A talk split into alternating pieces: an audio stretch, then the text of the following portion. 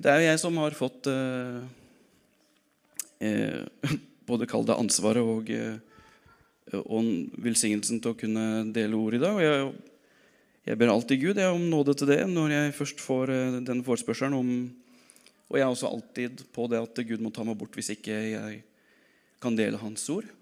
For det syns jeg er veldig viktig. at det, Vi skal ikke gå inn i noe vi ikke Gud setter oss til. Eh, for det er et veldig ansvar også, i tillegg til mange andre tjenester. Og så er jeg også der at, det har jeg sagt før, jeg, jeg får ikke jeg, jeg, klarer ikke å, å, å sitte, sitte, og liksom begynne å planlegge masse ting jeg skal si. Men det jeg er litt heldig med denne gangen her, at jeg kan preke en ferdig, eh, ferdig preken. Fordi jeg, jeg, har kjent på at jeg skal preke ut ifra bergprekenen. Så den er, på en måte, den er jo ferdig. Og det er jo supert. Da kan vi jo lese den sammen og så får vi bare se hva vi får ut av det. Eh, jeg, jeg, tror ikke vi kommer til å ta hele bergprekenen, men jeg starter fra begynnelsen, så ser vi rett og slett hvor vi lander den. altså. Og jeg bare igjen, jeg bare ber Gud om nåde til at vi kan både høre og ta imot. For jeg tror faktisk det er eh, sånn det funker. Kan ikke bare sitte og sette alle forventninger til den som skal dele ordet. Vi har alle et ansvar om at eh, dette er noe vi deltar i. Jeg er eh, aktiv eh, til å både lytte og til å ta imot. Ja, Så vi begynner jo da i Matteus kapittel 5, fra begynnelsen. Da han så folket, gikk han opp i fjellet. Der satte han seg, og hans disipler kom til ham. Han tok til orde, lærte dem og sa:" Salige er de fattige i ånden, for himmelens rike er deres. Og jeg må stoppe allerede der. Ja. Allerede på første verset i bergprekenen. Det kan plutselig bli en lang preken, dette her da, men det er fordi at det verset der sånn Han setter standarden for prekena, tenker jeg. altså. Fattig i hånden. Eh, den treffer meg veldig, må jeg bare innrømme. Jeg tror at du kan ikke ta imot så mye uten at du kan gå inn i det her. Hva betyr det å ha fattig i ånden? For det er et sånn litt sånn vagt uttrykk. Jeg tror Et annet uttrykk som er brukt mye i Bibelen, er gudsfrykt. Jeg tror De henger godt tett sammen. Er du fattig i ånden, så er du gudfryktig. Og min bibel, Jeg har en studiebibel, den har jeg faktisk lest før, men jeg tror det er på bønnemøte. Forklaringa på hva fattigånden vil si i bibelsk forstand. Og den har jeg lyst til å lese for dere. Fattigånden Gammeltestamentet bruker ofte ord for fattig ikke som betegnelse på et menneskes sosiale eller økonomiske stilling, men billedlig, religiøst om menneskets forhold til Gud. Det betegner menneskets totale avhengighet av Gud som skaper og frelser. Og så er det en lengre kommentar enn det også, men eh, jeg tror det er en veldig god forklaring. Du kan også lese Den har jeg lest før for dere. Eh, Jesaja 57, 12, tror jeg det er. Og i Jesaja 66 så sier han egentlig mye av det samme. Han sier, 'Hvem er det jeg ser til?' Jeg ser den nedbrutte av hjertet. Og den som skjelver ved mitt ord. Hva er greia med at Gud er så opptatt av fattig i ånden? For jeg tror ikke vi klarer å ta imot mer enn det vi innser hans overlegenhet og storhet, og min underlegenhet. Så jeg, jeg tror Den ene setningen er sånn, den setter en viktig standard for alt det som kommer etter. For han tar opp noen ganske konservative Nei, ikke konservative, det er ikke det, kontroversielle temaer gjennom bergprekena si. Og du kan enten sette deg opp mot Jesus, eller du kan ta imot det Jesus har. Og det gjelder for alle vårs. Og da må vi være fattige i ånden, tror jeg. Salige er de som sørger, for de skal trøstes. Salige er de saktmodige, for de skal arve jorden. Salige er de som hungrer og tørster etter rettferdigheten, for de skal møttes. Salige er de barmhjertige, for de skal finne barmhjertighet. Salige er de rene i hjertet, for de skal se Gud. Salige er de som stifter fred, for de skal kalles Guds barn.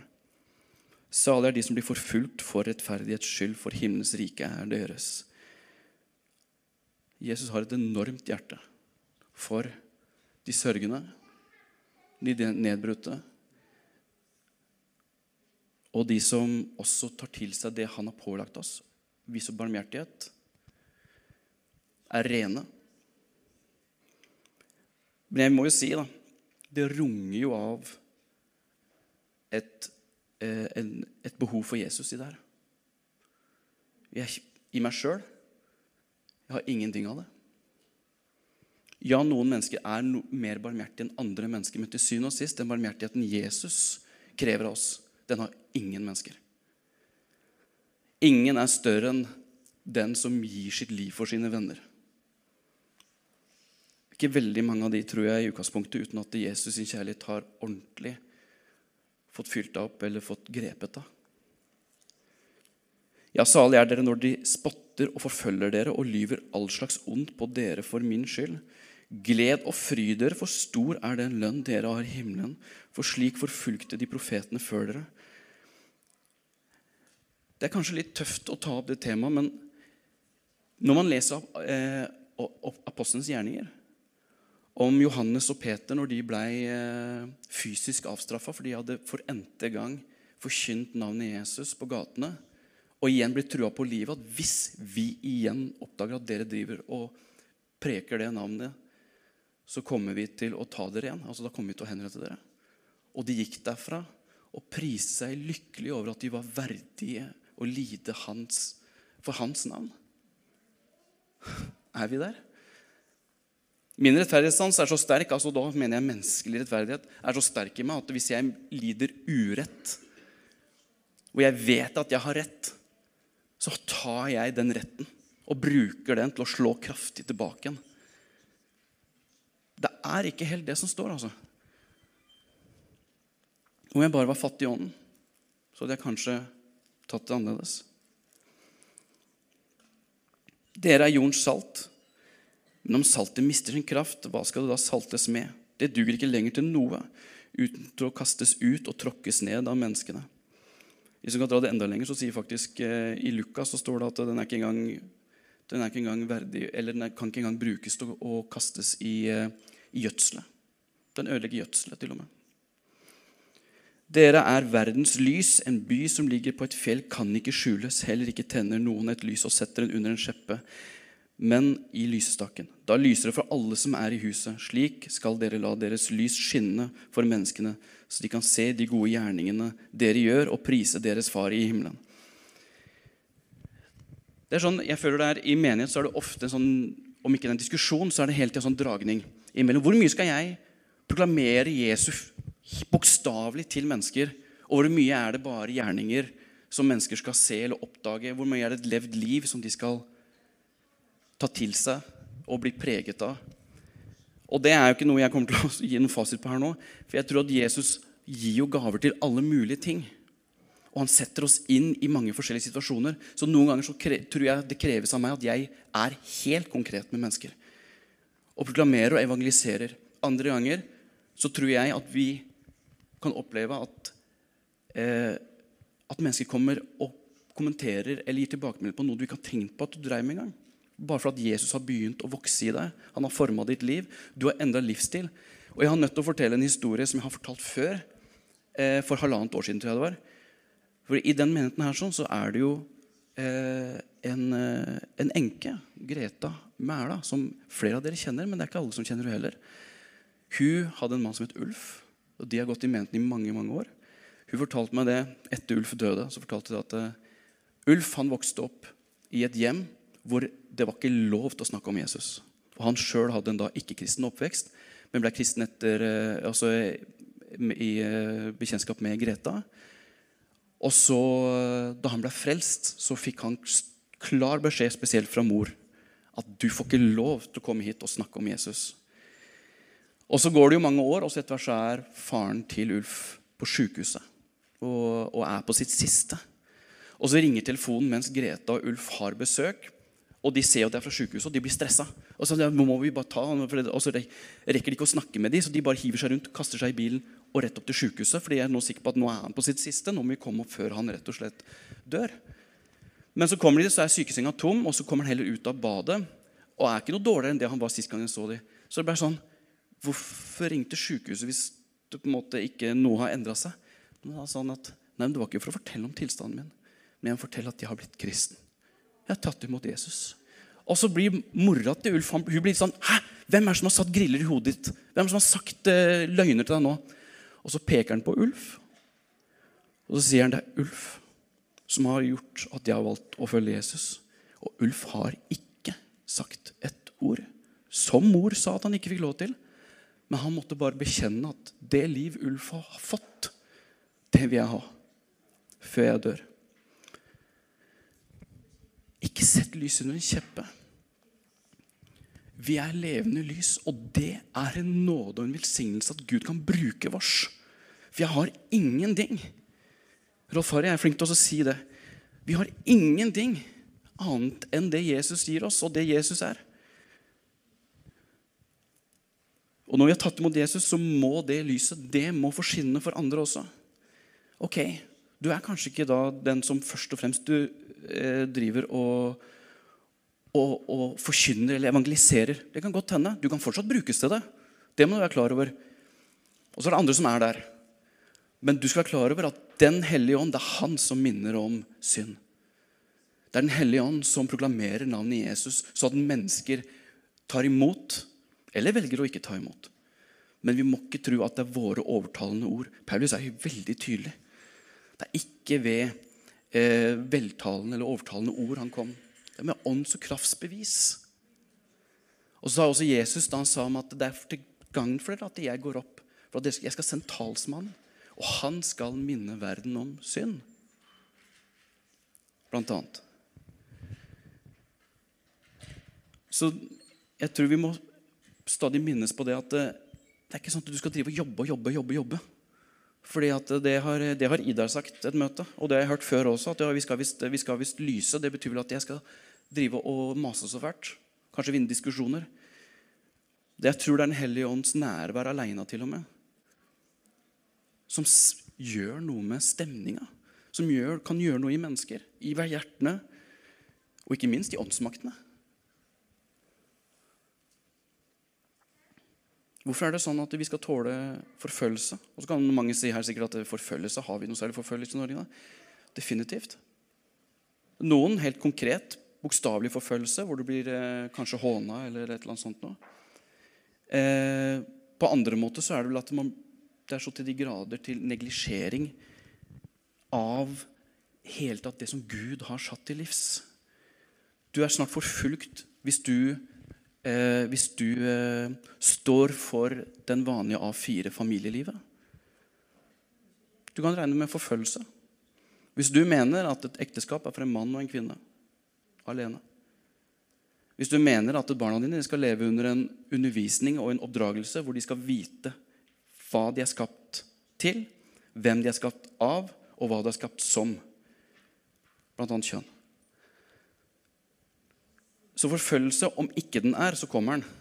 Det er én ting, men jeg tror den er her allerede. Det er bare at det Foreløpig er de åndsmaktene som jobber imot oss. Og det har de alltid gjort. Og det kommer de alltid til å gjøre. Så kan man si at det kanskje ikke vi merker så mye enda, men se på Israel. da. Se på Israel. Hvordan kan det ha seg en så liten nasjon, så lite folk, stadig skal forfølges? Det er åndsmakter. De må ta knekken på dette folket. På den måten så er plutselig Guds ord gjort til intet. Og Derfor så vet jeg også at det betyr at vi også har makter som står imot oss, som står imot deg. Vi må tåle forfølgelse.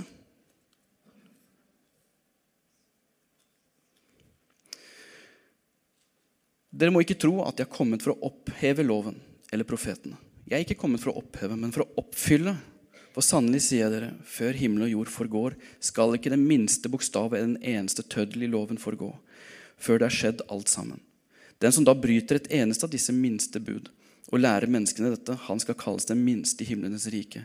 Men den som holder dem og lærer dem, andre dem, han skal kalles stor i himlenes rike. For jeg sier dere, hvis ikke deres rettferdighet overgår de skriftlærdes og fariseerne, kommer dere aldri inn i himlenes rike. Det er ganske eh, risikabelt å lese det som en som lærer. Men det er gitt et ekstra stort ansvar når man skal drive og undervise andre. Men det tror jeg dere andre gjør også. Det er ikke scenen nødvendigvis som alltid er der du driver og lærer opp andre. Jeg har familie. Det har jeg ansvar for. Skal vi dra det ordentlig langt, så har faktisk Jesus sagt at eh, altså, stakkars de som forfører disse minste. For, dem, for de så hadde det vært til gagn for dem om de, de fikk en kvernstein eh, bundet rundt beina og ble kasta i havet. Jeg er familiefar. Du har folk rundt deg på arbeidsplassen. Du har sikkert familie rundt deg, du også. Om ikke du har barn, så kan du fortsatt ha andre som du underviser, du lærer. Gjennom ord, og ikke minst gjennom handling. Vi har blitt et, gitt et stort, stort ansvar.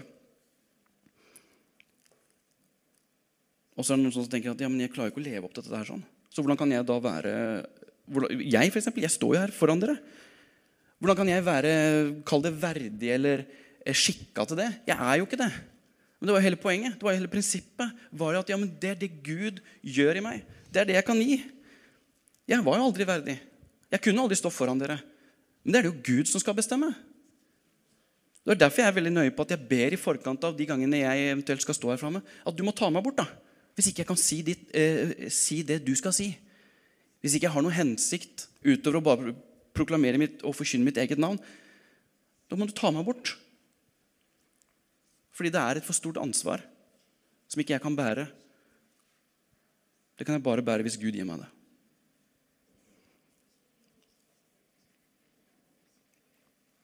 Dere har hørt det sagt til de gamle.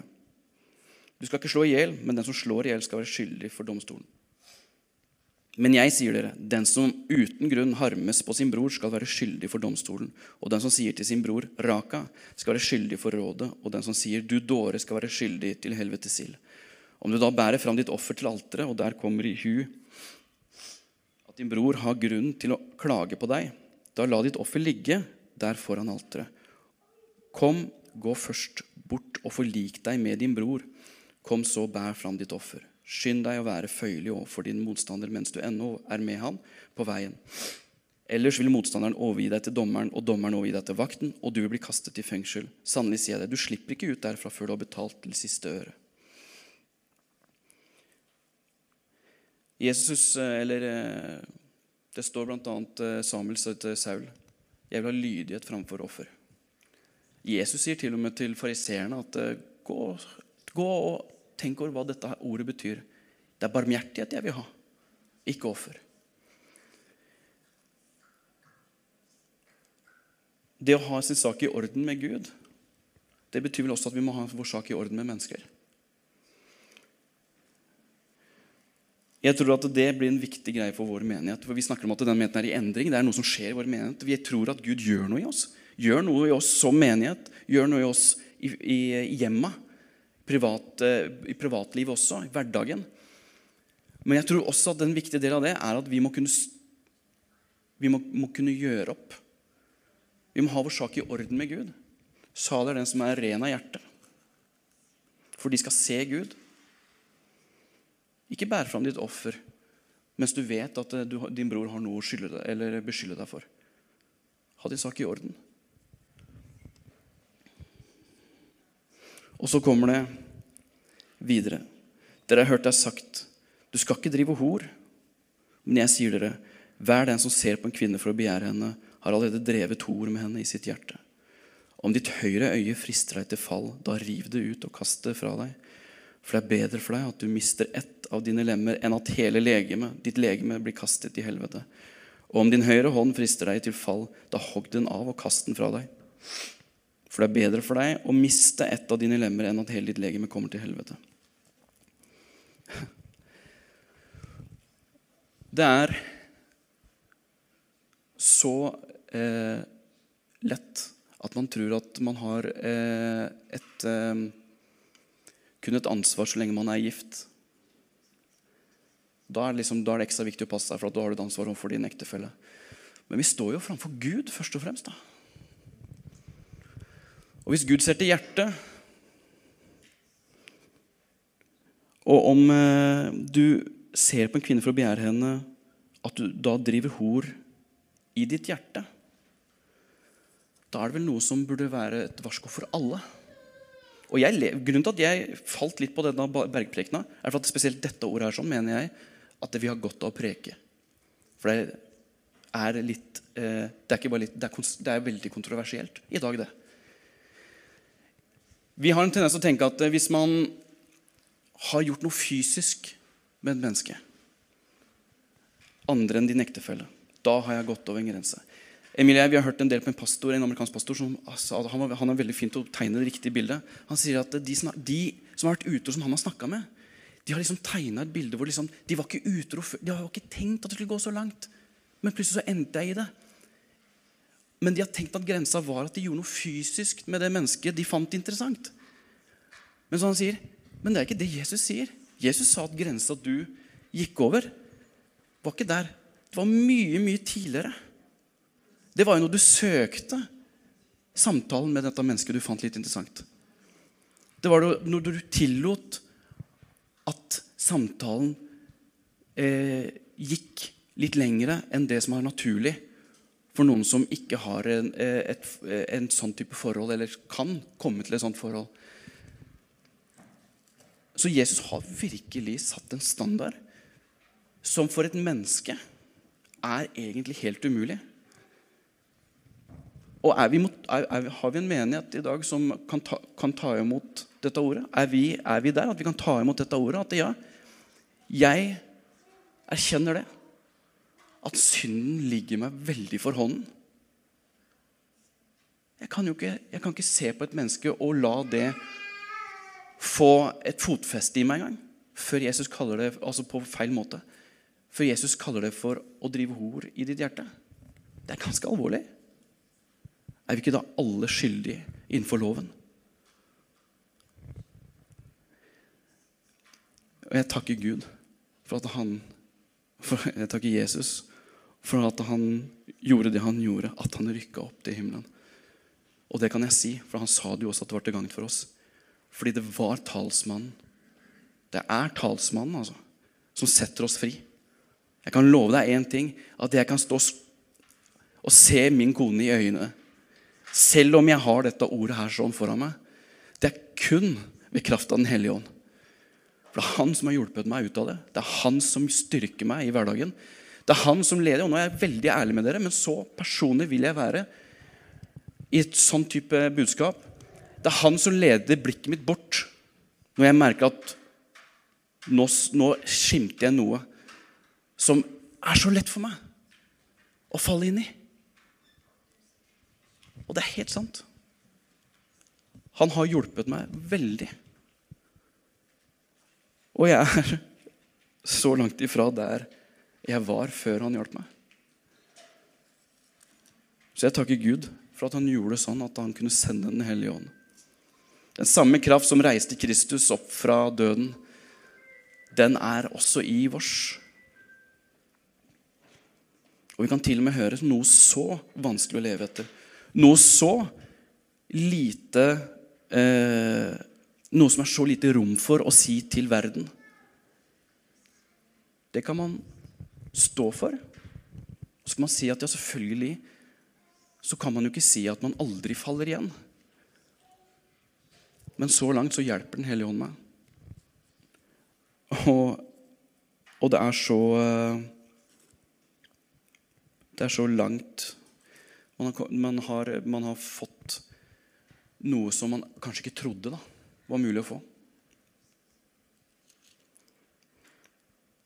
Som jeg legger til, da. Hvordan skal den unge holde sin sti ren? Salmen 119,9. Ved å holde seg etter ditt ord. Og det står det også om Den hellige ånd. At den skal også åpne opp det jeg har sagt til dere. Hvordan skal vi kunne forkynne hele Guds ord til mennesker? Jo, at Den hellige ånd gir oss åpenbaring, og gir oss kraft til å følge. Og så tenkte jeg at vi skulle lese den neste delen også, fordi den også er såpass tøff egentlig å lese høyt i en menighet. Og så tenkte jeg jeg skulle avslutte etter det. Det er sagt den som skiller seg fra sin hustru, skal gi henne skilsmissebrev. Men jeg sier dere, hver den som skiller seg fra sin hustru av noen annen grunn enn hor, er årsak til at hun driver hor. Og den som gifter seg med en fraskilt kvinne, driver hor. Kan vi lese det foran menigheten i dag? Kan vi det? Uten at noen tenker ja, nå var det godt at noen hørte det.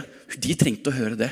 Det håper jeg de tok til seg, altså, for de, de har virkelig Eller tenker man kanskje å nå var det synd at ikke de var her? For de hadde virkelig trengt å høre det.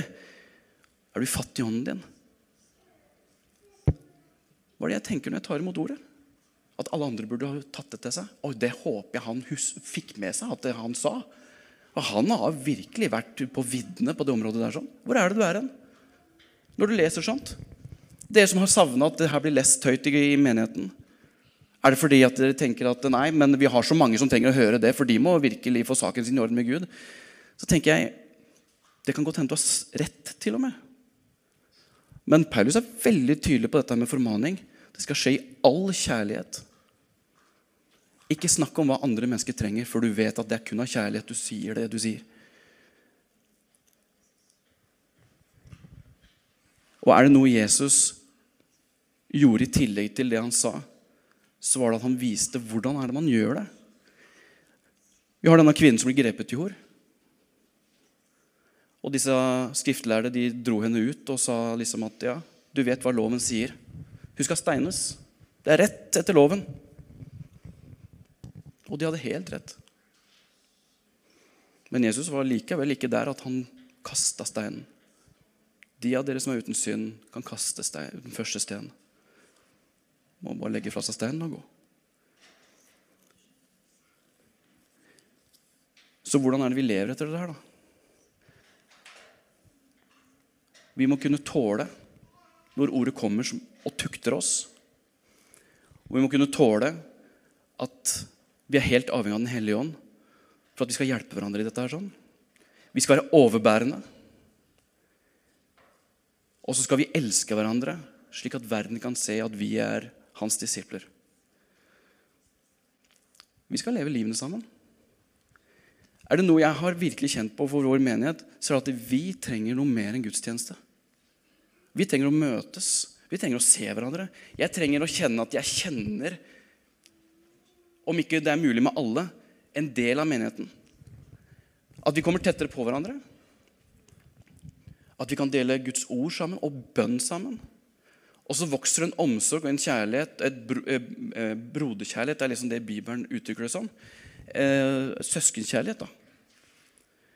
Som og liksom, som går forbi det verden har. Jesus sier at du har, ikke noe, du har ikke noe fortjeneste i det å like, nei, elske de som elsker deg.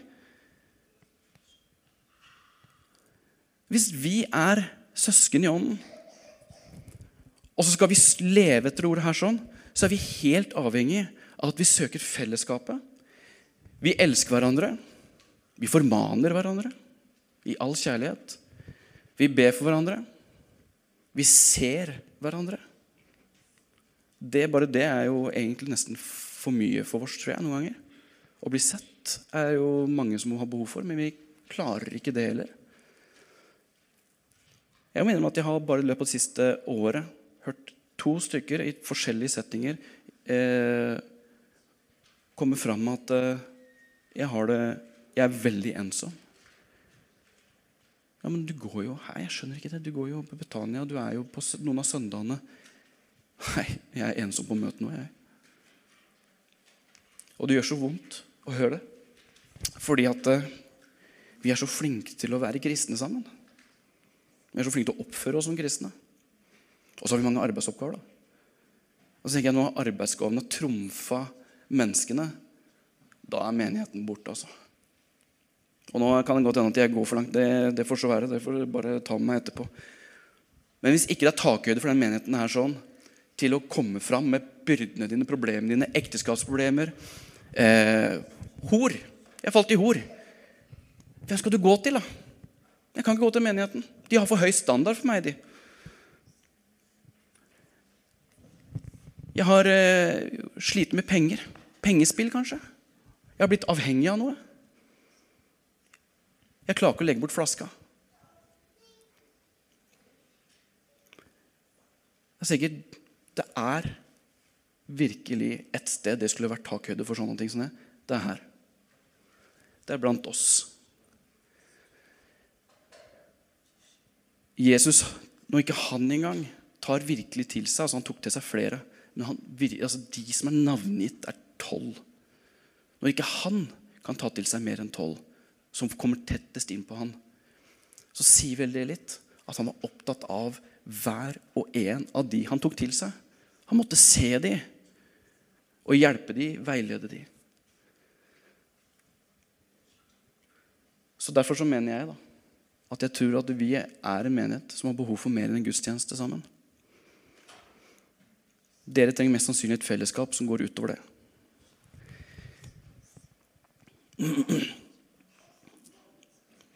Salig er de fattige i ånden, for de skal se Guds rike. Det er rett og slett anerkjennelsen av at Jesus må bare ta mitt liv. Alt sammen. Jeg lever ikke lenger selv. Kristus lever i meg. Det livet jeg lever i kjødet, det lever jeg i troen på Guds sønn. Han som elsket meg og ga seg selv for meg. Det skulle vært vårt eh, motto, daglige utsagn. For han trenger virkelig å bli vårt alt. Og jeg tror at jo mer Jesus får, kan vokse i meg, jo mer elsker jeg deg. Og motsatt. Vi trenger å se hverandre, hjelpe hverandre. Vi har, eh, vi har et uh, ganske Vi har noen retningslinjer vi har fått som er over menneskelig standard. Det var jo hele poenget. Vi skulle jo ikke være en del av denne verden. I går så var jeg i en, en bursdag med en del gutter. Eh, veldig fin. Og var, jeg tror vi faktisk representerte fire, fire forskjellige menigheter. Ja, fire forskjellige menigheter. Og så var det også en ufrelst der. Og han var sånn at eh, Ja, men jeg skjønner ikke greiene. Hvorfor eh, kom, kom inn på dette her med utstøing. da, Altså at man utstør, utstøtter, heter det. Utstøtter. Utstøter eh, folk, eh, familiemedlemmer, og da kommer jo inn på spesielt de menigheten jeg vokste opp i. da og han mente liksom, ja, men For meg så er det jo viktig at du bare er et ålreit menneske. Hvis du er et menneske, kan du tro på hva du vil. Og så kan jeg godt da svare at ja, men det er kun én vei til himmelen. kan jeg godt svare. Men han har allikevel rett i én ting. Han skulle ha funnet en godhet i oss som han ikke finner der ute. Det har han rett i. Og skal vi være der, så må vi holde oss etter hans ord. Den hellige ånd må få plass i oss, må få virke i oss, må få vokse i oss. Og så trenger vi hverandre. Oppmuntre hverandre på vår høyhellige tro. Minne hverandre om håpet vi har. En dag skal vi se Jesus igjen. Men jeg klarer ikke dette alene. Jeg tviler på at dere gjør det. Så, eh, og jeg sier ikke at nå betyr at nå, skal vi liksom, nå, nå, kan ikke vi sette oss i grupper og så begynne å snakke om hvordan skal vi møtes utenom gudstjenestene. Jeg er ikke der. Jeg bare prøver å si at uh, vi, det må starte med liksom holdningene våre og tankene våre. Og så må det Gud som gjør det. Og så håper jeg at det er fra Gud da, at jeg har sagt det. Så vil jeg be til slutt. Og så uh, må vi selvfølgelig tilbe vår Gud. For det, vi, det evangeliet vi har å leve etter, det er helt For et håp vi har. Vi, har, er eneste, vi er de eneste, vi som har tatt mot Jesus, som har et håp forbi døden. Vi trenger å tilbe vår Gud. Tenk at skaper av himmel og jord bryr seg om deg. da. Bryr seg om oss. Tenk at han ga så stor tillit at han bare rett og slett la alt på menigheten av gaver og talenter for at vi skulle bære Jesu navnet videre. Han satte det bare på de 120 som var samla i, i, salen der. sånn. Og der er utspringet for det viktigste budskapet. Han satte alt på menneskene med hjelp av Den hellige ånd. Hvordan i verden kan man være så gæren at man gjør det? Fordi så stor er Gud, og så stor omsorg har han for mennesker. At dette er sånn, det skal dere få lov til å bære sammen. Og det har vi fått. Vi trenger å tilbe han og takke han. Amen. Jeg takker deg, Jesus Kristus, for ditt ord, og for det at ditt ord vender aldri tomt tilbake. Så jeg ber bare om at du velsigner det som har blitt sådd i dag i oss alle sammen og hjelper oss, Jesus, å kunne stå ren og rettferdig pga. ditt blod.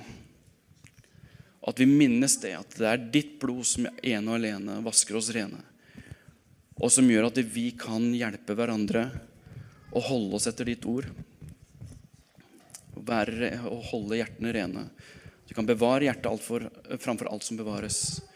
Så jeg ber om at du fyller oss med din kjærlighet, så vi lærer å elske deg og hverandre og vår neste som oss selv. Fordi vi har det ikke i oss, Jesus, og du vet det så inderlig godt. Vi har det ikke i oss, men du har gitt oss kraft fra det høye ved din Hellige Ånd. Og jeg ber deg, Hellige Ånd, at du blir stor i oss, og at du virker i oss, så vi kan gå i feilaktige gjerninger. Og du velsigne alle de som er her, alle de som ikke kunne komme, og familiene, eh, kollegaer, venner, omgangskrets. Hjelp oss å være lys og salt. Og så må du sette de frihet, de som er bundet. Helbrede de som er syke. Trøste de som trenger å trøstes, de som sørger. Takk, Gud, for at du ser først og fremst. Så ser du til de nedbrutte, de fattige i ånden. Hjelp oss å frykte deg slik som vi burde. Amen.